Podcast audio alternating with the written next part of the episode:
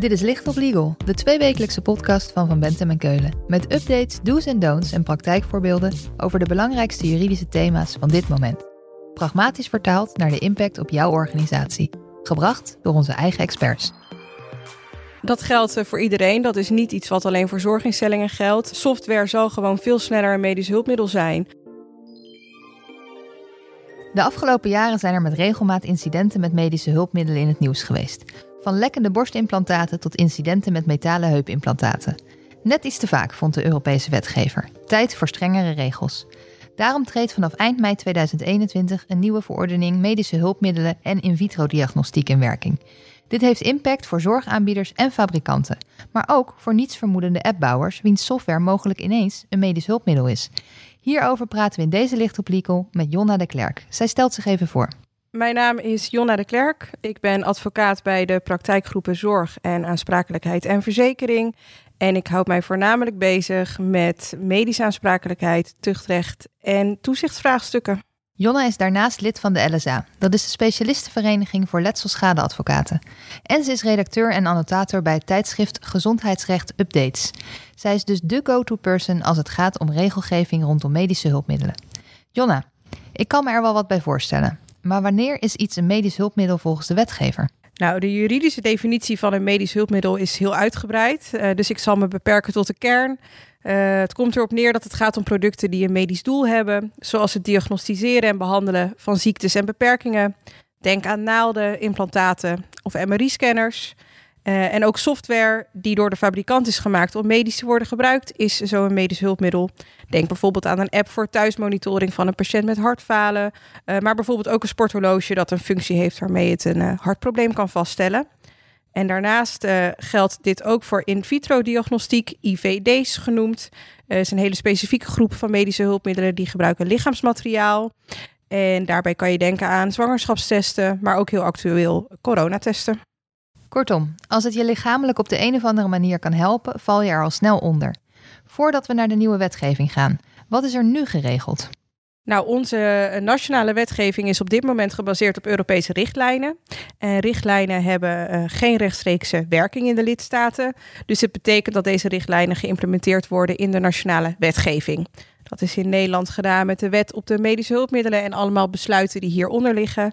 En dat gaat om regels over het ontwikkelen, het op de markt brengen, het verkopen van deze medische hulpmiddelen. En het toezicht dat daarop uh, wordt gedaan door de Inspectie van de Gezondheidszorg en Jeugd.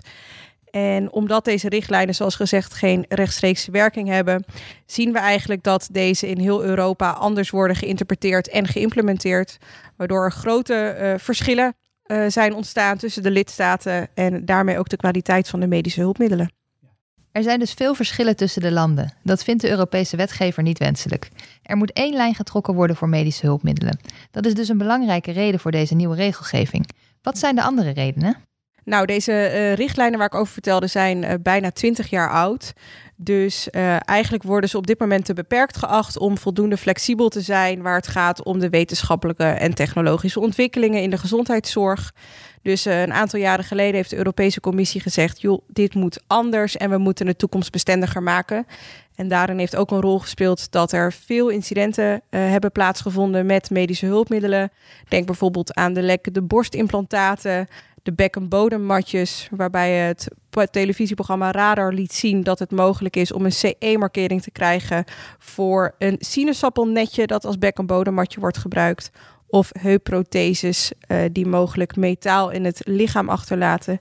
Dus Europa heeft gezegd: het moet veiliger voor de patiënt, het moet strenger. De patiënt moet dus beter beschermd worden. Wat gaat er dan nu concreet gebeuren? Wat verandert er? Nou, er zijn al een paar jaar geleden twee verordeningen opgesteld. En anders dan uh, richtlijnen hebben verordeningen rechtstreekse werking in de lidstaten. Dus dat houdt in dat in beginsel dit niet meer geïmplementeerd hoeft te worden in nationale wetgeving. Uh, deze verordeningen, ik noem ze gewoon even op zijn Nederlands, MDR, staat voor Medical Device Regulation. En de IVDR, die dus ziet op die in uh, vitro diagnostica, um, die gelden dus vanaf 26 mei 2021 rechtstreeks in Nederland en ook alle andere Europese lidstaten. Um, dezelfde onderwerpen worden erin geregeld als in de huidige regelgeving, maar net wat strenger en soms wat nieuwe regels erbij. Oké. Straks dus rechtstreekse werking. Dat betekent dat landen er niet vanaf kunnen wijken. Is er nog ruimte, bijvoorbeeld als Nederland het strenger zou willen maken? Nou, echt afwijken of strikter maken is niet mogelijk. We zien wel dat er door de Europese wetgever ruimtes zijn opengelaten in een verordening. Dat ze onderwerpen hebben gekozen waarvan ze gezegd hebben: joh, lidstaat, het is aan jou om hier een keuze in te maken. Een van die onderwerpen is bijvoorbeeld het hergebruiken van medische hulpmiddelen die eigenlijk bedoeld zijn voor eenmalig gebruik. Dat is aan de lidstaten zelf overgelaten. En Nederland heeft hiervoor gekozen om te zeggen dat mag. Dus je mag onder bepaalde voorwaarden een medisch hulpmiddel dat eigenlijk maar één keer mag worden gebruikt, mag je hergebruiken. Nou, dan mag het niet in aanraking zijn gekomen met bepaald lichaamsmateriaal. Dan moet de verpakking aan bepaalde eisen voldoen. En zulke dingen zijn dan dus nog neergelegd in nationale wetgeving in de nieuwe wet op de medische hulpmiddelen.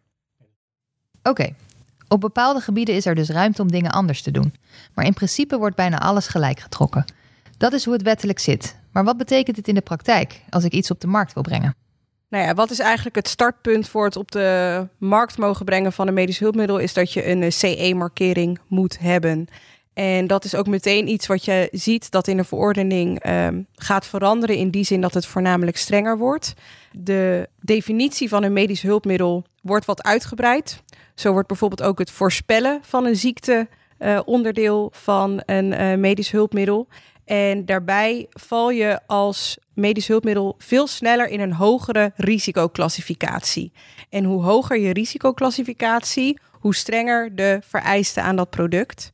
En wanneer je product in een hogere risicoklasse valt, mag je niet meer zelf zorgen voor zo'n CE-markering, maar dient dat te gebeuren door een externe partij, een zogenaamde notified body. En deze verordeningen zorgen er eigenlijk voor dat je al heel snel in een risicoklasse valt met een product, waardoor zo'n externe partij nodig is ter beoordeling. Ja, waar je vroeger gewoon zelf een stempel erop mocht zetten. Exact, waar je vroeger zelf bepaalde stappen moest doorlopen, maar dan zelf die CE-markering mocht aanbrengen, heb je daar nu die externe partij voor nodig. Um, en daarnaast zien we ook dat er strengere eisen zijn waar het gaat om uh, de kwaliteit en bijvoorbeeld het klinisch bewijs dat je moet leveren voordat je zo'n product op de markt uh, mag brengen. Uh, onder de huidige regelgeving mag je bijvoorbeeld nog het bewijs gebruiken van een vergelijkbaar product. en dat mag nu niet meer. Dus je moet altijd zorgen voor je eigen klinische bewijs voor het product dat je op de markt gaat brengen. Oké, dat is wel een verandering, want voorheen kon je gewoon leentjebuur spelen. Ja, kon je eigenlijk zeggen, nou, dit product lijkt op dat van mij. Ik ga hetzelfde klinische bewijs gebruiken. Dat is bijvoorbeeld ook gebeurd uh, in dat radar-programma, uh, waarbij ze een uh, ander klinisch bewijs voor een bekkenbodemmatje hebben gebruikt. Dat mag nu niet meer. Dus daar zie je inderdaad echt, die kwaliteit moet omhoog. En zijn er nog meer veranderingen? je ziet ook nog een verandering in, ehm, in de financiële dekking, de maatregelen die uh, fabrikanten moeten nemen om te zorgen voor voldoende financiële dekking. Uh, dat gaat voor gevallen waarin schade is veroorzaakt door een defect hulpmiddel. En fabrikanten moeten dan gezorgd hebben dat er altijd voldoende financiële middelen zijn om die schade te dekken. Dus je moet een potje gaan opbouwen als fabrikant voor het geval dat je claims krijgt. Ja, en dat zal voornamelijk wel gaan, uh, gaan gebeuren met verzekeraars. Maar je moet dus inderdaad zorgen voor een voldoende dekking biedende verzekering. Uh, voor het geval je een patiënt hebt die inderdaad schade heeft als gevolg van een uh, defect hulpmiddel. Een belangrijk effect van veiligheid is traceerbaarheid. Dat je kan uitzoeken waar hulpmiddelen vandaan komen. En hoe het met die hulpmiddelen zit. Hoe gaat dat geregeld worden? Dat wordt uh, geregeld door een zogenaamde UDI-code. Dat is een unieke identificatiecode die op elk medisch hulpmiddel moet komen te staan. Deze code wordt aangebracht door de producent zelf, door de fabrikant zelf. En die houdt uh, in ieder geval informatie in over de leverancier en het hulpmiddel. Maar bij meer risicovolle hulpmiddelen, zoals bijvoorbeeld implantaten, moet er ook informatie uh, in staan over de expiratiedatum en bijvoorbeeld het serie en het lotnummer. Um, en wat ook nieuw is, dat deze code gezamenlijk met nog veel meer andere informatie opgeslagen gaat worden in een Europese databank, EUDAMET genoemd. Die is nog vol in ontwikkeling. Dus we zien wel dat veel van de regels die daarvoor gelden ook weer pas wat later in zullen gaan. Maar nieuw daarin is wel dat het gaat om een uh, databank waarvan een groot gedeelte openbaar is voor publiek. Dus ook als patiënt kan je daarin opzoeken: goh, mijn arts raadt me dit hulpmiddel aan. Wat is daarover bekend? Heeft het wel een CE-markering? Um, zijn er misschien ooit terugroepacties geweest? Wat zijn de risico's? Wat is het klinische bewijs voor dit hulpmiddel? Dus je ziet dat de traceerbaarheid, maar ook de informatie voor het publiek ehm, veel meer toegankelijk en duidelijk wordt geregeld. Duidelijk. Dat is voor de patiënt gunstig, dat je precies kan uitzoeken hoe het zit met wat ze in je gaan stoppen. Werkt het ook omgekeerd? Je had het over een terugroepactie. Kunnen zorgaanbieders in zo'n geval ook achterhalen bij welke patiënten hun hulpmiddelen terecht zijn gekomen? Nou ja, als, als zorgaanbieder ben je inderdaad verplicht om um, op dit moment bij bepaalde hoog risico uh, implantaten uh, dat uh, UDI-nummer uh, toe te voegen in het patiëntendossier en in een landelijk implantatenregister op te slaan. Waardoor het inderdaad altijd mogelijk is als er iets gebeurt met dat implantaat, om de zorg, zodat de zorgverlener kan zien: hey, deze patiënt heeft dit implantaat gehad. We hebben nu gehoord dat daar iets niet goed mee is. We moeten nu direct deze patiënt daarover gaan informeren en misschien voor gaan behandelen. Uh, dat is dus op dit moment ook al zo. Dat is vooruitlopend op de regels in de MDR. Uh, maar omdat dat Eude met register nog niet helemaal uh, klaar is, gaan uh, alle regels die daarvoor gelden, en dan gaat het ook voor meer implantaten gelden, die gaan waarschijnlijk ergens volgend jaar in als dat hele register klaar is. Dus de wet is klaar, maar het register is nog niet klaar. Kennelijk hoeft de overheid zich niet direct aan de regelgeving te houden.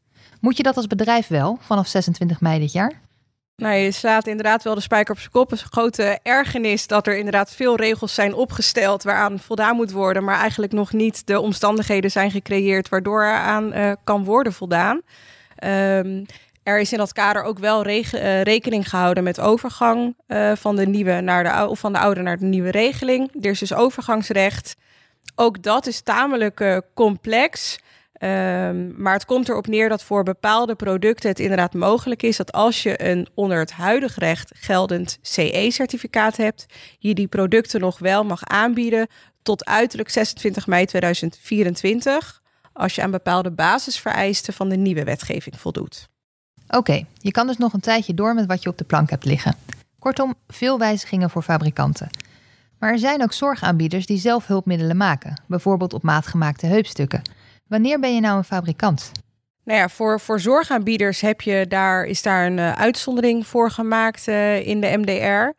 Uh, in beginsel is het zo dat ook als je als zorgaanbieder iets maakt voor je eigen patiënt, je als fabrikant wordt aangemerkt.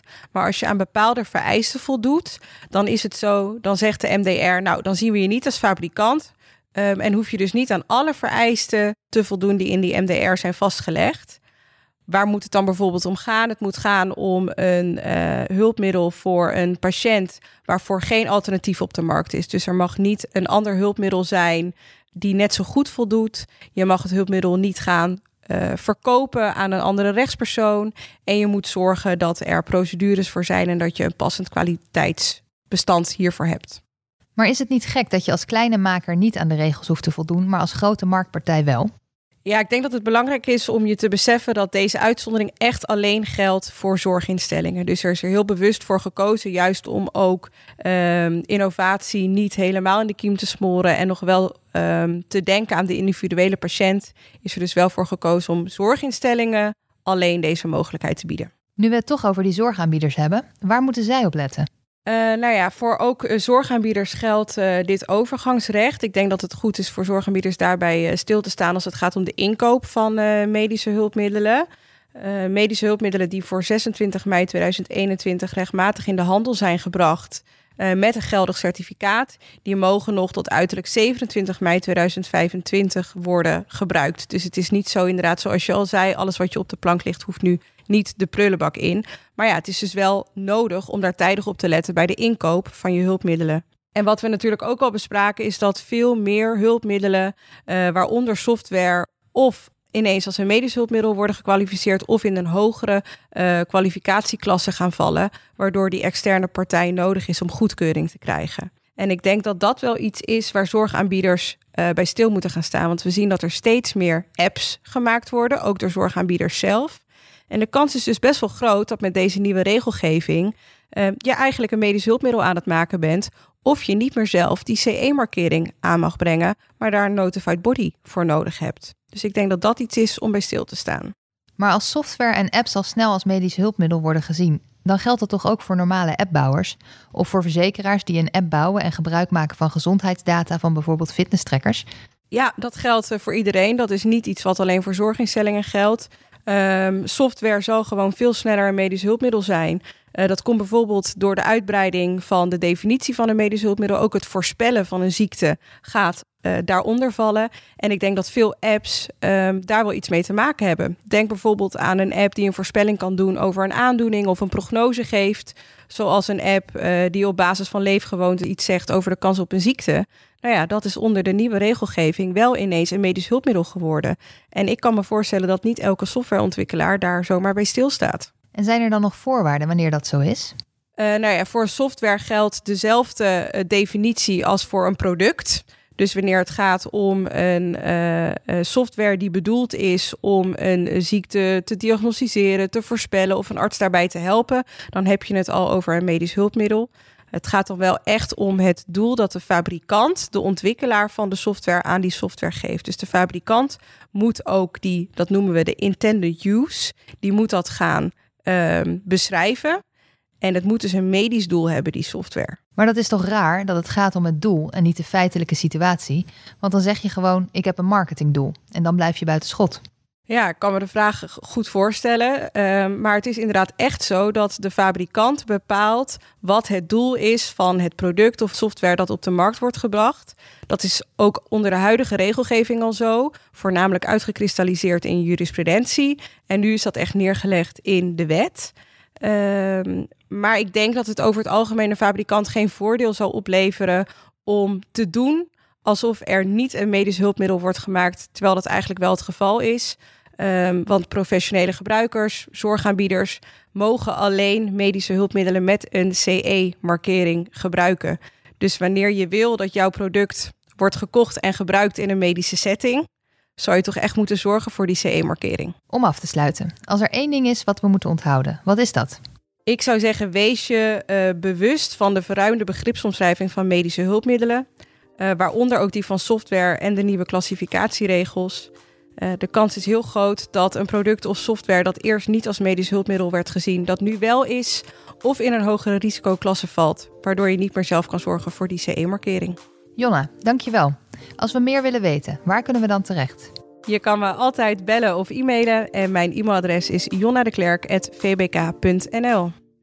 Dit was Licht op Legal, een podcast van Van Bentem en Keulen. Te beluisteren via Spotify, Apple Podcast of je eigen favoriete podcast-app. Wil je meer weten? Heb je suggesties voor een onderwerp? Of wil je dat onze experts hun licht laten schijnen op jouw juridisch vraagstuk? Laat het ons weten via vbk.nl slash.